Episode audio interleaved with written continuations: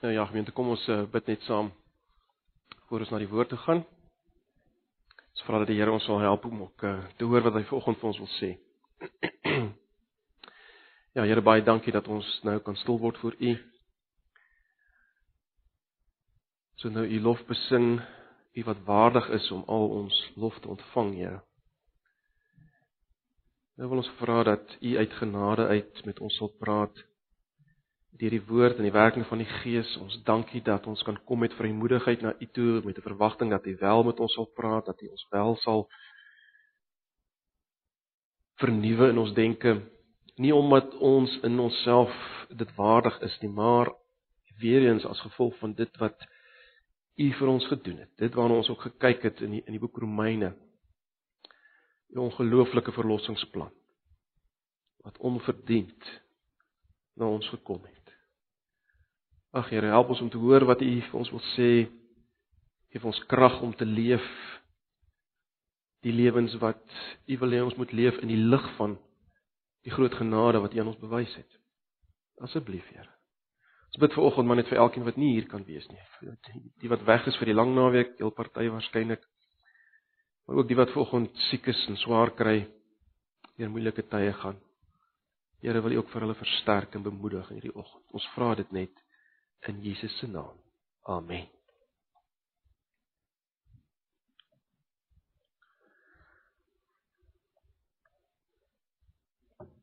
Nou ja. Julle sal onthou dat ons verlede Sondag kyk het na die eerste 2 verse van Romeine 12. Stadig maar seker is ons besig om ehm um, ook nou aan die einde te kom van Romeine. Waarskynlik gaan ons ehm uh, soos Johan genoem het, gaan ons dit so bietjie Romeine onderbreek uh, in, in in Oktober wil ek hê dat ons bietjie gaan uh, kyk na die vyf solas. Dit gaan bietjie 'n onderwerpsprediking wees, bietjie iets anders. Uh maar uh, ons ons sal nie klaarmaak met Romeine voor dit nie so so ons sal waarskynlik dan die die laaste gedeeltes van Romeine net net na die reeks oor die solas hanteer. Maar goed, vanoggend Romeine 12 en ek gaan wel eers met lees van uh vers 3 tot vers 10. Want deur die genade wat aan my gegee is, ek lees maar die 53 vertaling, hoor. Want deur die genade wat aan my gegee is, sê ek vir elkeen wat onder julle is, dat hy nie van homself meer moet dink as wat 'n mens behoort te dink nie, maar dat hy daaraan moet dink om besadig te wees na die maat van geloof soos God dit aan elkeen toebedeel het. Want soos ons in een liggaam baie lede het en die lede nie almal dieselfde werking het nie, so is ons almal saam een liggaam in Christus en elkeen afsonderlike lede van mekaar. En ons besit genadegawes wat verskil volgens die genade wat ons gegee is. Is dit profesie na die maat van die geloof of bediening in die werk van bediening of wie leer in die lering of wie vermaan in die vermaaning, wie uitdeel in opregtheid, wie 'n voorganger is met ywer, wie barmhartigheid bewys met blymoedigheid. Laat die liefde ongefeins wees vir afskie wat sleg is, hang die goeie aan. Wees hartlik teenoor mekaar met broederlike liefde, die een moet die ander voorgaan in eer betoning. Ons lees net so ver. Nou, julle sal onthou ons het verlede Sondag begin kyk na Paulus se antwoord op die now what vraag of die so what vraag wat gevra kan word na die eerste 11 hoofstukke waarna ons gekyk het. Kortweg die vraag wat 'n mens kan vra is dit: behoort daar 'n verskil te wees in wat ek dink en sê en doen na die eerste 11 hoofstuk. Behoort daar 'n verskil te wees? Dis dis die groot vraag.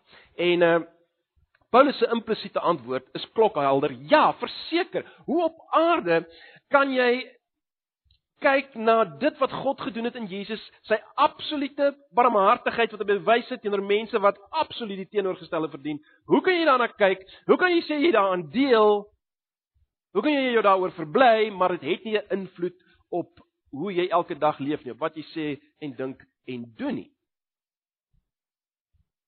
En daarom kom Paulus in die eerste twee verse en ons het daarna gekyk, maar ek wil net laat ons vinnig dit weer ehm uh, net daaraan raak sodat julle net almal weer by is. Uh, daarom dui Paulus aan in die eerste twee verse van hoofstuk 12 dat hierdie eerste 11 hoofstukke vereis in 'n sin dat ek en jy 'n totaal ander godsdiens beoefen. Nou die hele begrip van van godsdiens was natuurlik bekend gewees aan beide die die Jode in die gemeente in, in Rome en ook die heidene.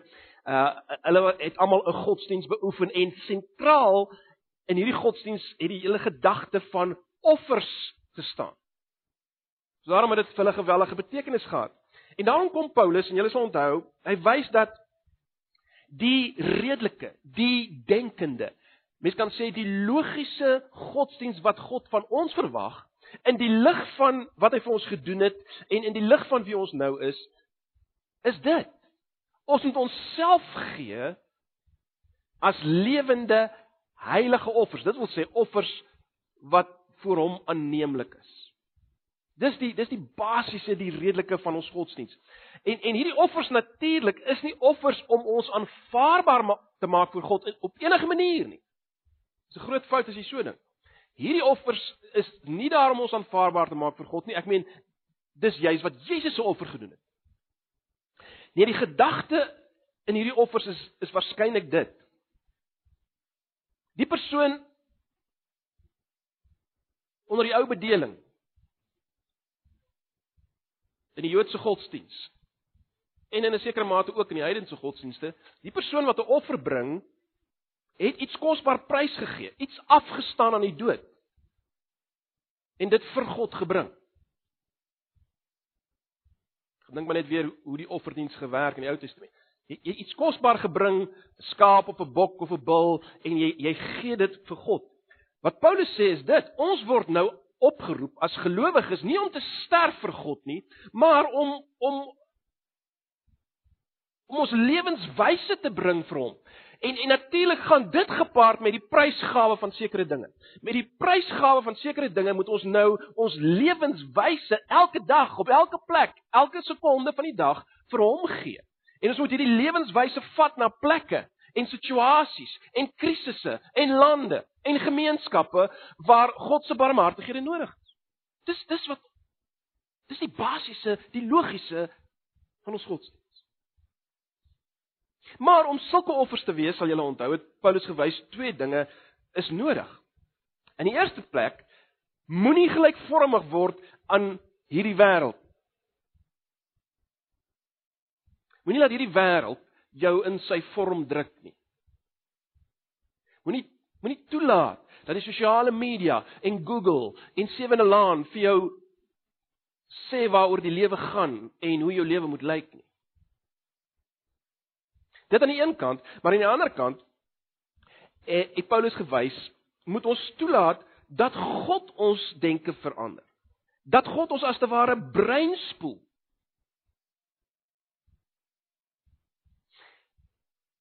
En as dit gebeur, sal jy insien dat God se wil is goed en aanneemlik en volmaak. God se wil wat natuurlik gevind word in die skrif waarvan die eindpunt Jesus is. So dis wat ons kry in die eerste twee verse. Wat Paulus nou verder doen vanaf vers 3 is om nou as te ware prakties te, te wys hoe hoe lyk dit as jou lewe 'n offer is? binne in die gemeente, onder gelowiges, in die wêreld. Hoe lyk dit? Hoe lyk dit?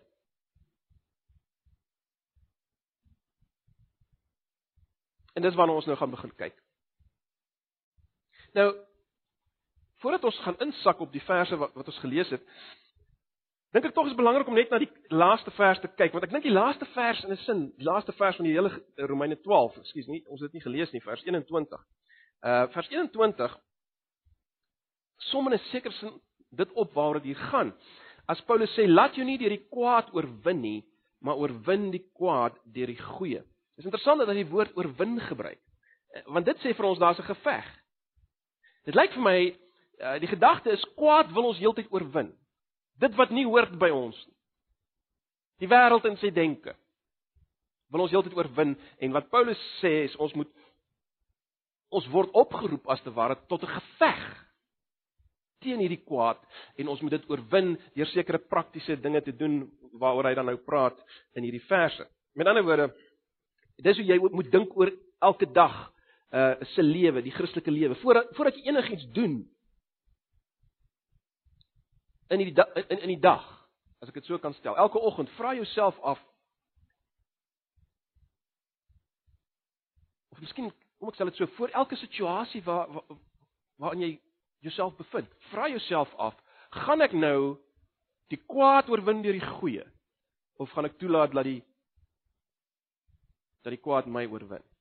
So dis waaroor dit hier gaan. Dis waaroor dit hier gaan.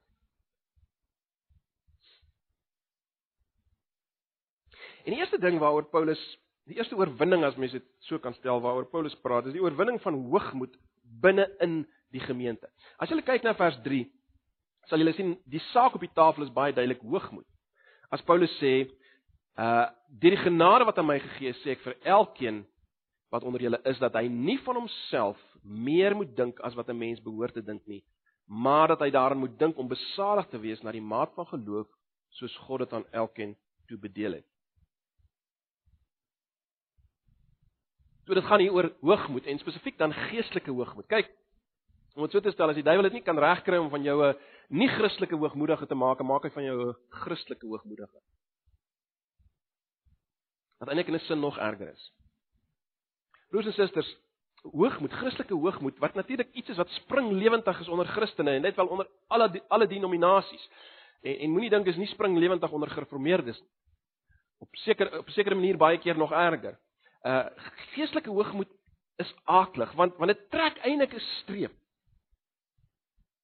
Dit trek 'n streep deur dit wat die evangelie is, naamlik uh dat ons onverdiend deur genade gered. En daarom is dit so 'n lelike ding, so 'n lelike ding as as Christene voel dat hierdie gemeente van my is beter of hierdie leer lering van my is beter as die ander.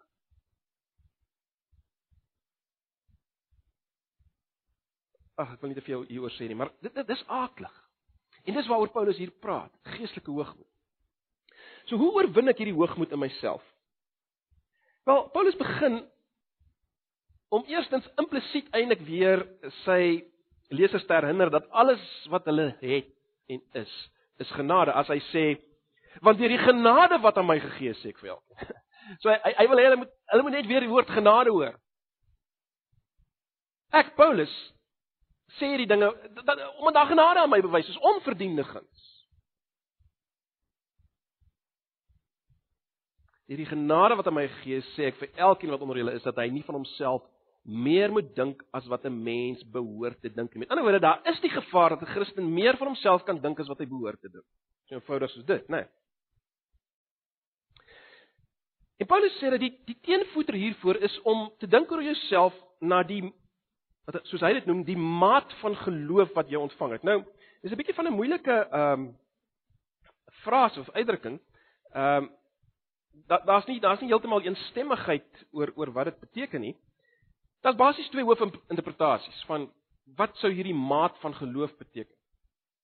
Aan die een kant is is is is die siening dat dit beteken bloot ehm um, dat dit as as 'n ware soos soos 'n gawe is wat jy ontvang het. Met ander woorde, uh, daar's verskillende gawes en hoeveelheid gawes en sekere persone het het meer ontvang as ander. En daarom uh dit beteken sommige het meer geloof ontvang as ander, want jy jy het meer gawes as die ander een. Met ander woorde dat jy in daai lyn die maat van geloof moet verstaan. Maar as 'n ander uh siening en dit is dat Paulus praat hier van van geloof in die sin van die Christelike geloof. Dit wat ons ontvang het of dit waaraan ons deel het as Christene. En en en en dan beteken dit ons het almal dieselfde geloof ontvang.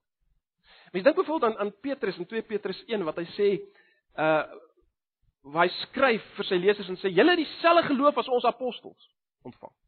Maar nou word julle is nie minder as ons. Julle presies dieselfde julle gewone lidmaat het presies dieselfde geloof as ons as apostels ontvang. Nou ek persoonlik is oortuig dat hierdie tweede interpretasie van die maat van geloof is is die korrekte een. Aan die ander woorde, dit gaan hier oor die feit dat dat ons almal gelyk is in die Christelike geloof. Ons het ons het dieselfde Christelike geloof ontvang. En dan maak dit geweldig sin binne hierdie konteks, nie waar nie?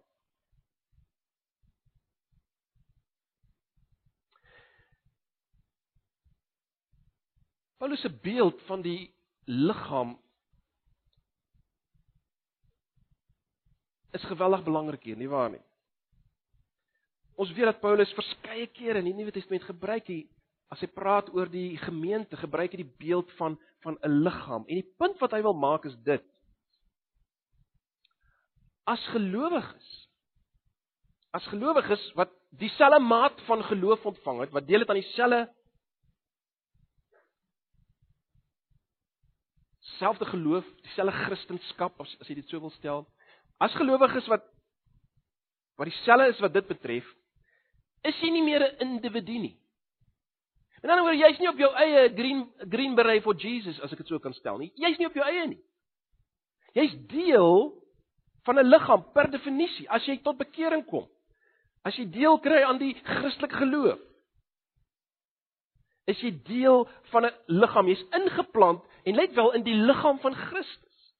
Jy's jy's deel van hierdie liggaam van Christus op aarde. Hierdie liggaam wat natuurlik uh plaaslik sigbaar word in gemeentes soos Antipas en en en en ander gemeentes in die wêreld. Per definisie is dit wat 'n Christen is. Daar is nie so iets soos 'n Christen op sy eie nie. Dit is so duidelik in die Nuwe Testament, maar hier is dit weer baie baie duidelik. Daar, daar bestaan nie so iets. Jy's of deel van die liggaam of nie 'n Christen nie. Jy, jy moet deel van die liggaam wees. Nou, ons weet dat as mens net dink oor 'n oor 'n oor 'n fisiese liggaam, die ledemate van 'n liggaam verskil van mekaar. Nie waar nie? Ons weet dit. Hulle verskil van mekaar nie net in hoe hulle lyk, grootte en vorm nie. 'n Ledemate van 'n liggaam verskil van mekaar wat betref hulle funksie. Ons weet dit. En meer nog, so op die eerste op die op die oppervlak gesien of beoordeel, sal ons geneig wees om ook te sê dat wel die ledemate verskil wat belangrikheid betref. Ons is geneig om so te dink, nie waar? Want dit is vir ons moeilik om te dink dat 'n dat 'n oog nie belangriker is as 'n voet nie. Nie waar nie? En natuurlik is dit so, né? 'n Oog is is geweldig delikaat en uh, geweldig ingewikkeld. Maar die punt wat Paulus wil maak Die punt wat Paulus wil maak is dit: as deel van die liggaam en die liggaam as liggaam se funksionering, is elke deel onontbeerlik en in daardie sin gelyk. Hy, noem dit op ander plekke in, in die Nuwe Testament dat as een lid ly, ly al die lede. As jou voet seer is, dan beïnvloed dit jou hele liggaam en die funksionering van jou liggaam. Jy, jy, jy kan nie dit losmaak van mekaar nie, né? Jy sien daar is nie iets soos oë wat op hulle eie rond beweeg en en voete wat op hulle eie rond beweeg. Daar bestaan nie so iets. Ons weet dit. As 'n voet seer is, is die liggaam seer, as die liggaam mank. En die oog is deel van daai liggaam wat nou mank is of seer is. So so hierdie liggaam gedagte is uiters belangrik. Jy sien, as ons net dink hoe het ons deel geword van die liggaam? Almal het gelyk deel geword deur genade. Jy het nie deel geword van die liggaam omdat jy beter is as die ander ou en die ander ou het net so 'n bietjie later deel geword want hy is nie heel, heeltemal so belangrik. Nee. Almal is is deel van hierdie liggaam uit genade, uit deur genade, soos Paulus uh heel aan die begin al verwys na die genade, né? Nee. So dis baie belangrik. En daarom die eerste ding wat ons as Christene moet weet, of vir mekaar moet sê, is dat ons is verskillend. Ons het dit nou gesien, ons is verskillend. Ons is nie almal ewe slim nie, nie almal ewe skerp nie, nie almal ewe vinnig nie, nie fisies nie, nie intellektueel nie. Ons persoonlikhede verskil. Ons het verskillend groot geword nog daarbey. Maar bo dit alles. Bo al hierdie verskille maak hierdie gedeelte dit duidelik, God het ook vir ons elkeen ander gawe gegee. 'n sogenaamde charisma, genadegawe gegee. Paulus noem dit hier, né? Nee. Hy sê is dit profesie na die maat van geloof of bediening in die werk van bediening of wie leer in die lering of wie vermaan in die vermaaning, wie uitdeel in opregtheid, wie 'n voorganger is met ywer, wie barmhartigheid bewys met blymoedigheid.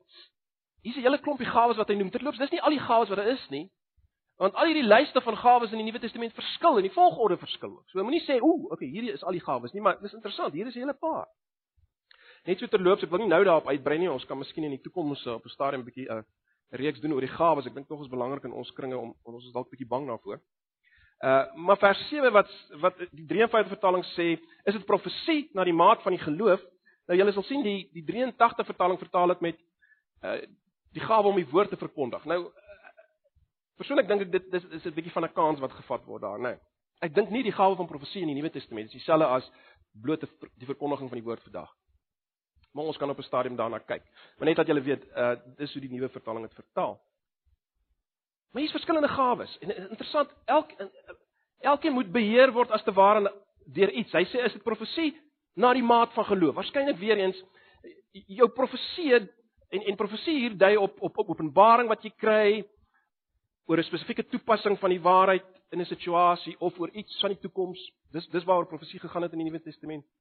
Maar sê Paulus, dit moet beheer word deur die maat van geloof. Die Christelike geloof waaroor ons net nou gepraat. Ehm um, En so gaan hy aan. Bediening in in die werk van bediening, dis wat jy dit moet doen. Uh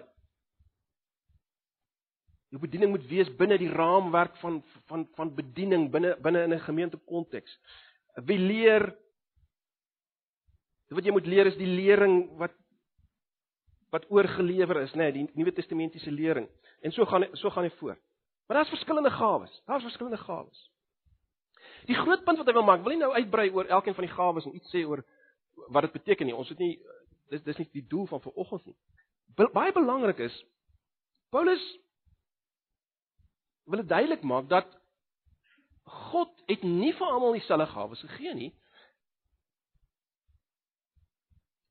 Hy hy het besluit om nie dieselfde gawes vir almal te gee nie.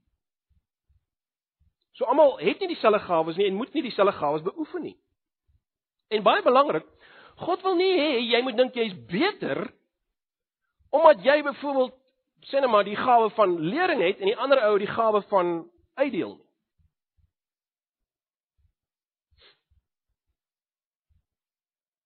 Die gawe van barmhartigheid. Wat dit ook al mag wees. Dis dis dis die punt, né? Nee, dis waaroor dit gaan. Moenie meer dink van jouself nie. Jy moenie dink jy's beter omdat jy byvoorbeeld soos ek sê die gawe van lering het en die ander ou die gawe van uitdeel nie. Jy moet ook nie geïrriteerd wees omdat die ou met die gawe van die lering nie ook die gawe van barmhartigheid het. Argument onthaal. Jy sien dis die gedagte. Moenie rondkyk en ongelukkig wees en vergelyk en jouself beter ag as die ander een nie. Dis dis die hele gedagte. Dis verskillend. Elkeen het iets anders. Interessant hier in hierdie gedeelte as mens dan kyk, byvoorbeeld die persoon met die gawe van lering volgens hierdie gedeelte het nie noodwendig die gawe om uh, om voor te gaan nie, om 'n voorganger te wees. Baie interessant. Dis 'n verskillende gawe, dis verskillende gawes. Die punt is dit. Van my en jou as offer word gevra om om om om hierdie verskille te sien as noodsaaklik vir die effektiewe werking en funksionering van die liggaam. Jy sien elkeen is verskillend, maar elkeen is belangrik en elkeen moet sy of haar gawe beoefen. Dis baie belangrik. Elkeen moet sy of haar gawe beoefen. En elkeen moet dit kan beoefen. Dis dis die belangrike ding. Elkeen is verskillend, maar elkeen moet sy gawe beoefen en elkeen moet sy gawe kan beoefen Hy of sy moenie verhinder word uh deur 'n gevoel van minderwaardigheid. Dit is waaroor dit hier gaan. Want jy sien dit pas nie. dit pas nie by die eerste 11 hoofstukke nie. Nou dis insiggewend dat Paulus wanneer hy klaar die gawes genoem het, kom hy in vers 9 en hy sê laat die liefde ongeveins wees. Verafskiet wat sleg is, hang die goeie aan. 'n Mens dink onwillekeurig aan aan 1 Korintiërs, né, nee, 1 Korintiërs 12 tot 14 waar Paulus praat oor die gawes en in die middel van die gedeelte oor die gawes plaas hy die gedeelte oor die liefde. En hy sê as jy nie die liefde het nie, dan beteken al die gawes nie veel nie.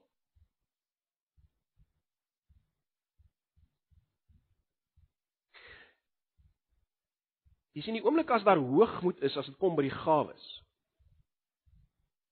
dan beteken dit per definisie liefde het by die agterdeur uitgegaan. Aan die ander kant liefde is die manier om hierdie hierdie hoogmoed te hanteer, te beperk, te oorwin om 'n term te gebruik, om te oorwin binne in die gemeente. So Paulus kom en hy hy begin om te sê laat die liefde ongeveins wees. Laat die liefde ongeveins wees.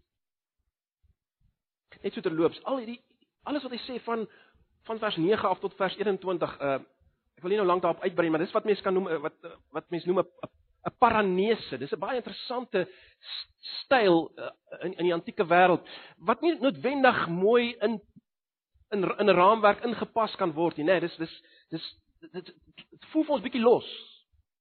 Hy sê hier dit en daar dit en dan dink ons net hy's nou besig met hierdie onderwerp en dan noem hy weer dit is paranese. So is dalk 'n bietjie deurmekaar, maar kom ons kyk wat wat hy wil probeer sê vir ons.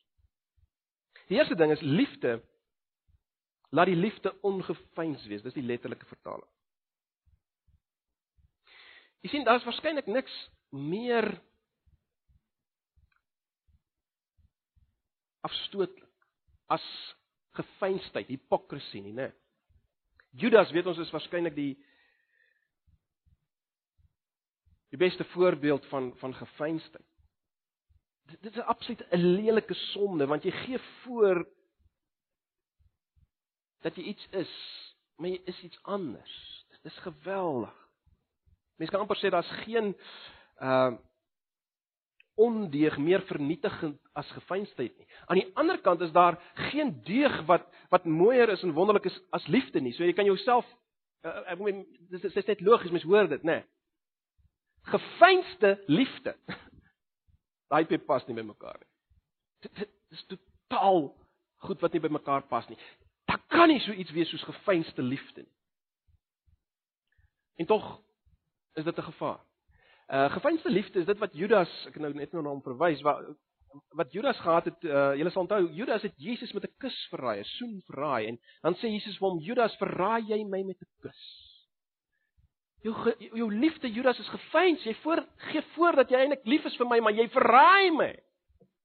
Gefeinste liefde. Ag, en broers en susters, dit is moontlik om onder mekaar as gelowiges gefeinste liefde te hê. Ons gee iets voor, maar ons ons gee voor dat ons lief is vir mekaar mos is. En ek weet, ons kan nie vir almal ewe lief voel nie, maar as jy begin om dinge te doen prakties vir mekaar lief te hê, dan dan kan dit dalk selfs ook gevoel ook kom. Die belangrike ding is ons moet waak teen gefeinsheid, die voorgee dat ons lief is vir mekaar, maar dit nie is nie, want dit dit pas totaal en al nie by mense wat absolute onvoorwaardelike liefde van God beleef het. Die eerste helf hoofstuk. So dis belangrik, dis waarteen Paulus praat. Hy sê laat die liefde ongefeins wees. 'n Ou prediker, D. L. Moody, Het op 'n stadium gesê there are a lot of people who talk cream but live skim milk. En wat Paulus hier probeer sê is dat dat ons nie 'n afgeroomde melk tipe liefde moet hê nie.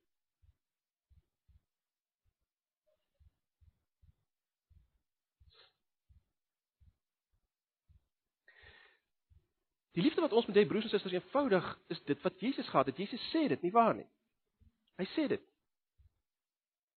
Julle moet mekaar lief hê Johannes 13 vers 34. Julle moet mekaar lief hê soos ek julle liefgehad het. En baie interessant, hy sê dit nadat hy hulle voete gewas het as simbool van wat hy ook gedoen het vir aan die kruis, nê. Nee. Dit is liefde om jouself te verneder, om uh vuil voete te was. Dis 'n praktiese afdaal, 'n nederig wees na die vlak van iemand anders se nood, praktiese sigbare bewys van liefde. Dis die liefde waartoe hy oproep agape liefde, né? Uh, baie interessant die die, die Nuwe Testament skep 'n kategorie van liefde, die agape liefde wat nie bestaan het in daai tyd. Agape liefde, liefde ten spyte van. Liefde wat prys gee en so meer. So dis die eerste ding, laat die liefde ongefeins wees.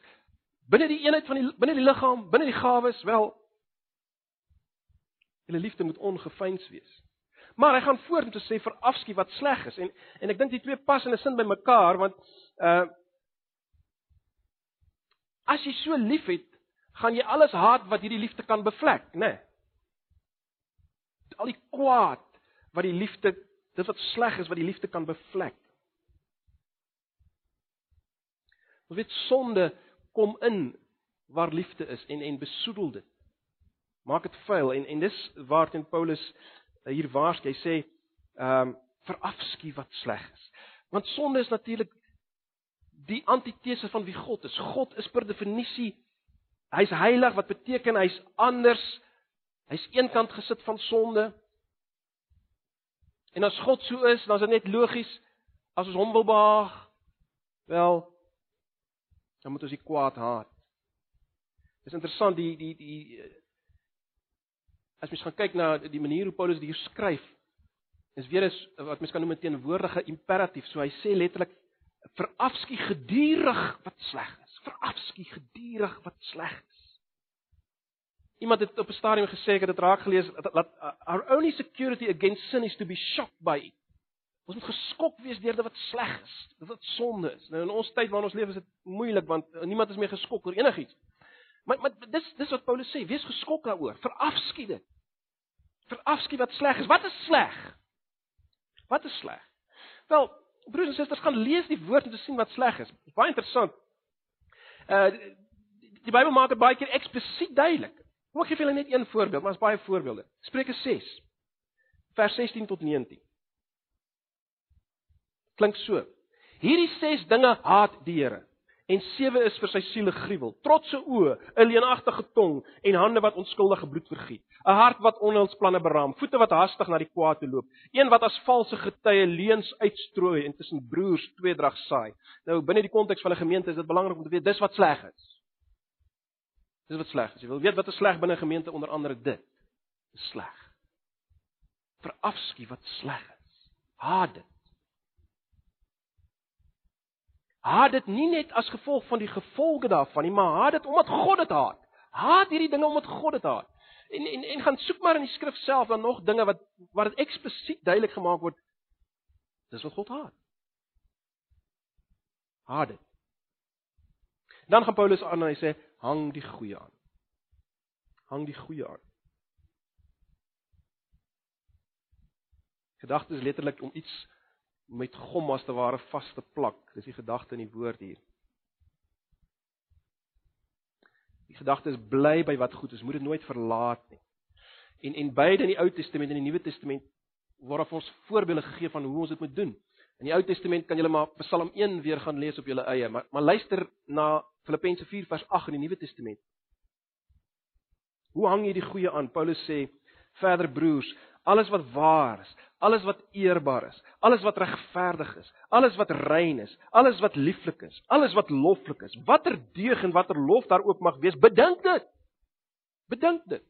Dis hoe jy die goeie aanneem. Jy eenvoudig is dit. En dan word bly besig met die positiewe, broei daarop. Wees besig daarmee. Dis wat hy sê.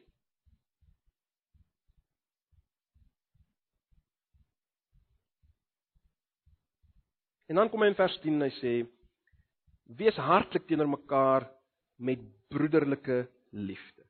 Nou ek gaan nie lank hierop stil staan nie. Uh maar maar dit is so asof asof Paulus uh wil seker maak dat ons nie liefde sien as as 'n sware, stoere plig nie, né? Daarom sê hy: Wees hartlik. wees hartlik teenoor mekaar. Hoekom? Want dit is jou broer. Dis jou broer. Wees hartlik teenoor mekaar met broederlike liefde. Wees hartlik want dit is jou broer. En dan die laaste punt wat ons net vinnig hier gaan uitlig is in vers 10c wat hy sê die een moet die ander voorgaan in eerbetoning. Die een moet die ander voorgaan in eerbetoning. Nou, dis baie duidelik dat Paulus eintlik maar net weer praat van van nederigheid. Onthou julle, hy het begin in vers 3 met Ons moenie meer van onsself dink as ons as wat ons behoort te dink. Nederigheid is nodig vir die gawes om om tot tot hulle reg te kom binne in 'n gemeente sodat almal deur hierdie gawes bedien kan word. Uh net so terloops ek het dit net te genoem nie, maar maar die doel van gawes ten diepste is om mekaar se geloof te versterk.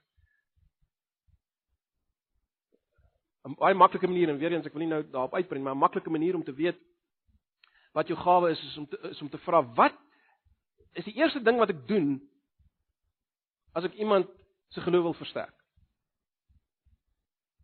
Vat ek van my bord kos? Argumentsonthaalwe of uh, gaan sit en bestudeer ek saam met hom 'n stuk uit die skrif uit. Dan weet jy wat jou gawe. Maar goed, die punt is nederigheid is nodig om gawes te beoefen op die manier wat Paulus wil hê ons moet beoefen. En en wat Paulus hierop klem lê is is dat liefde word uitgedruk en en nederig uh, liefde word uitgedruk in hierdie nederigheid om om iemand anders as te ware voor jouself te kies. Letterlik sê hy die een moet die ander die uh, jy moet jy moet jy moet die leiding neem as dit gaan oor eerbetoning. Met ander woorde, moenie wag tot iemand omsien na jou behoeftes nie. Moenie wag tot iemand jou bedien met sy of haar gawe nie. Bedien jy. sien jy eers raak waar die behoefte is, waar die nood is en doen jy eers iets. Een moet die ander voorgaan in eerbetoning.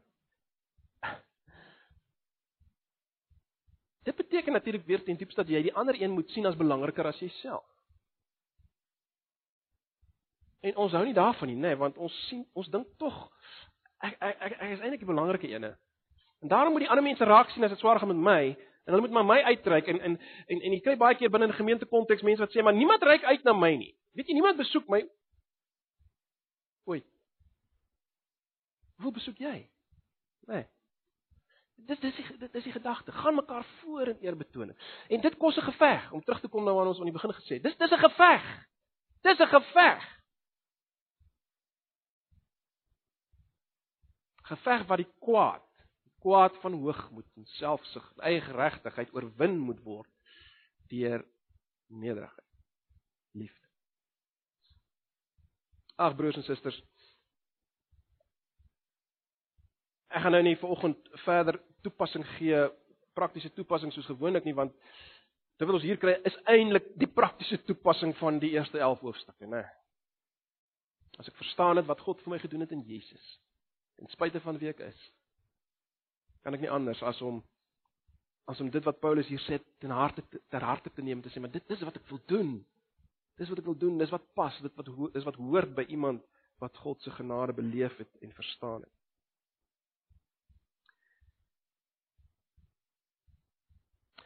As ons sukkel hiermee en ons sukkel almal daarmee. Is dit weer eens belangrik en en dis hoekom dit so belangrik is dat hierdie goed kom na die eerste 11 hoofstukke. As ons hiermee sukkel, wel bedink Jesus, né? Nee, kyk na Jesus, bedink Jesus. En dan wil ek afsluit met Filippense 2 vers 4 tot 15. Luister 'n bietjie mooi hierna bidend. En ek sluit hiermee af. Dit pas vir my so mooi in as Paulus sê: "Julle moet nie elkeen na sy eie belange omsien nie, maar elkeen ook na die ander se. Want hierdie gesindheid moet in julle wees wat ook in Christus Jesus was." Jy sien dis die hele punt van Romeine 12. Die gesindheid wat in Jesus was moet in julle wees. Hy, luister mooi, wat in die gestalte van God was. In ander woorde, hy was baie baie belangrik. Die belangrikste persoon in die kosmos. Hy wat in die gestalte van God was, het dit geen roof geag om aan God gelyk te wees nie, maar vers 7 het homself ontledig deur die gestalte van 'n dienskneg aan te neem en aan mense gelyk te word. En in gedaante gevind as 'n mens, het hy homself verneder deur gehoorsaam te word tot die dood toe, ja, die dood aan die kruis. Daarom het God hom ook uitermate verhoog en hom 'n naam gegee wat bo elke naam is, sodat in die naam van Jesus sou buig elke knie van die wat in die hemel en die wat op die aarde en die wat onder die aarde is en elke tong sou bely dat Jesus Christus die Here is tot heerlikheid van God die Vader. Daarom my geliefdes, soos julle altyd gehoorsaam gewees het, nie in my teenwoordigheid alleen nie, maar baie meer nou in my afwesigheid, werk julle eie heil uit met vrees en bewering. Wat wat hy bedoel is werk die konsekwensies van julle verlossing uit in vrees en bewering. Want is God wat in julle werk om te wil sowel as om te werk na sy welbehae. Doen alles sonder murmurering en teespraak, sodat julle onberisplik en opreg kan wees, kinders van God, sonder gebrek, te midde van 'n krom en verdraaide geslag onder wie julle skyn soos ligte in die wêreld. Soos ons sukkel, kom ons kyk na Jesus en bedink hom. Ag Here, dankie vir u woord. My gebed vanoggend vir myself en vir ons elkeen is dat u ons sal bewus maak van die feit dat ons elke oomblik van die dag betrokke is in 'n geveg. Geveg teen die kwaad. Ons wil vir ons die krag gee deur die werking van die Gees om dit te oorwin deur die goeie. Nie sodat ons aanvaarbaar kan wees vir U nie. Ons dankie dat ons aanvaarbaar is op grond van wat U gedoen het, Here Jesus. Maar sodat ons lewende voorbeelde kan wees van die barmhartighede, die genade van God. Help ons daarmee. Ons vra dit in Jesus se naam. Mag nou die genade van ons Here Jesus en die liefde van God en die gemeenskap van sy Heilige Gees met julle elkeen wees en bly in hierdie dag en hierdie week waar julle ook gaan lewe in die lig van wat ons vanoggend gesien het. Amen.